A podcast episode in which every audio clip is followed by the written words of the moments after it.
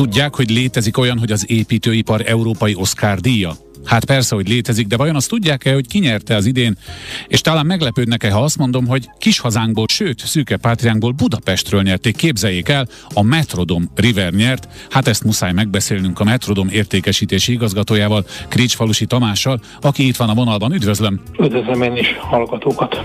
Szóval mielőtt a díjról beszélnénk, ami már önmagában így a headlineban is nagyon izgalmas téma, azért azokat is hozzuk képbe két-három mondat erejéig, akik nem tudják, hogy mi az a Metrodom River, pedig pedig aztán, ha valamit Budapesten lehet látni és figyelemmel kísérni, ha arra jár az ember, akkor szerintem a Metrodom River az. Szóval merre van, és hol kell elképzelni annak, aki nem tudja. Metrodom River egy épülő lakóparkunk a 11. kerületben a Budafoki úton, de igazán látványos majd a Duna felől lesz, mert gyakorlatilag a Budafoki út és a Dunapart közötti szép nagy három hektáros telken épül éppen most. Akkor viszont adódik a kérdés, mit kell tennie, mine, mit kell tartalmaznia, hogyan kell kinéznie egy olyan lakóparknak, ami ezt a bizonyos európai Oscar díjat elnyeri, a European Property Awards-ot egészen pontosan, mert szerintem attól, hogy építkezünk, attól még nem feltétlenül leszünk díjnyertesek. Természetesen nem. Ezeken a nemzetközi építészeti díjakon, melyek közül a European Property Awards tényleg az egyik legrangosabbnak számít. Sok szempontot vizsgálnak. Természetesen nézik mindig az adott épület külsejét, dizájnját. Természetesen ez függ attól is, hogy milyen kategóriáról beszélünk, lakópark, középület, nem sorolom végig az összeset.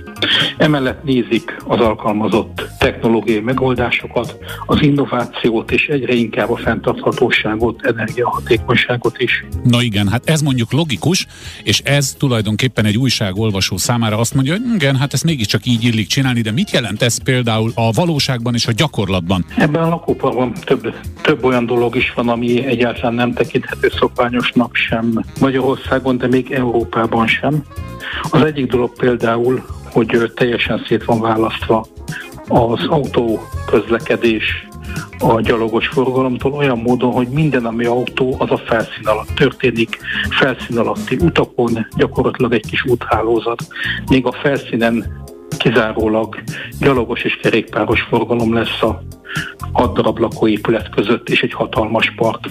Ez önmagában is egy olyan dolog, amit viszonylag kevesen csinálnak meg, pedig nem kell külön részleteznem, hogy mennyire más életminőséget Bizony. jelent az, amikor az ember egy gyakorlatilag egy, egy sétáló utakkal behálózott parkban él, ahol egyetlen egy darab autót, motorbiciklit semmit nem hall, nem lát, nem találkozik vele.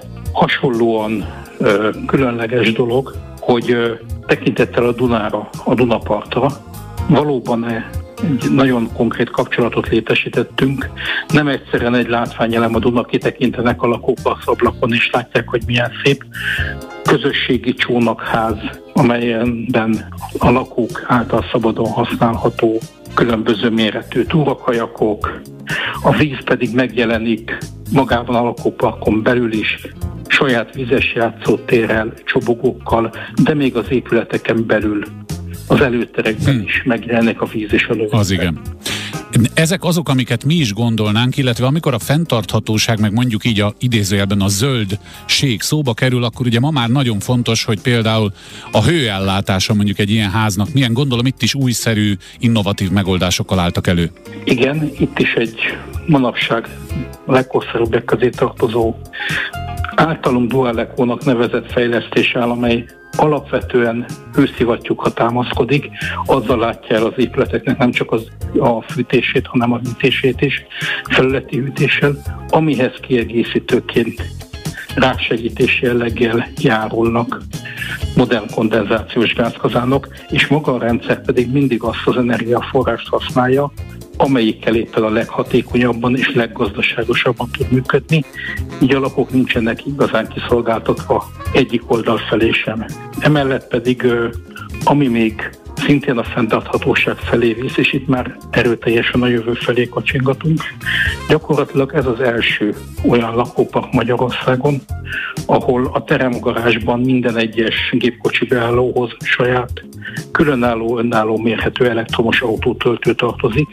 Ugye 2035-től már kizárólag nullmissziós járműveket lehet Európában forgalomba hozni, mi pedig már most rákészültünk erre, ezek azok az olyan jelenleg még apróságnak tűnő dolgok, amelyeket például egy innovációkra érzékeny nemzetközi díj alkalmával vizsgál a zsűri.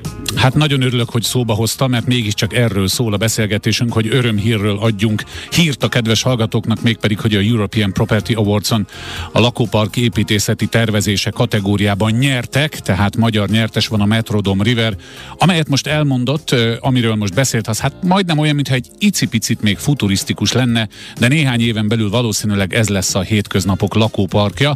Kricsfalusi Tamással a Metrodom értékesítési igazgatójával beszéltünk, akinek engedje meg, hogy tolmácsoljam jó kívánságainkat és gratulációinkat a díj miatt. Még egy utolsó kérdésem van, egy ilyen díjat akkor nyerhet meg az ember egy lakóparkkal, amikor az már teljesen elkészült, vagy amikor ez még épül, már akkor is megnyerhető? Különböző kategóriák vannak, tehát van a befejezettés és van a maga a terv, amikor már tervet is értékelik.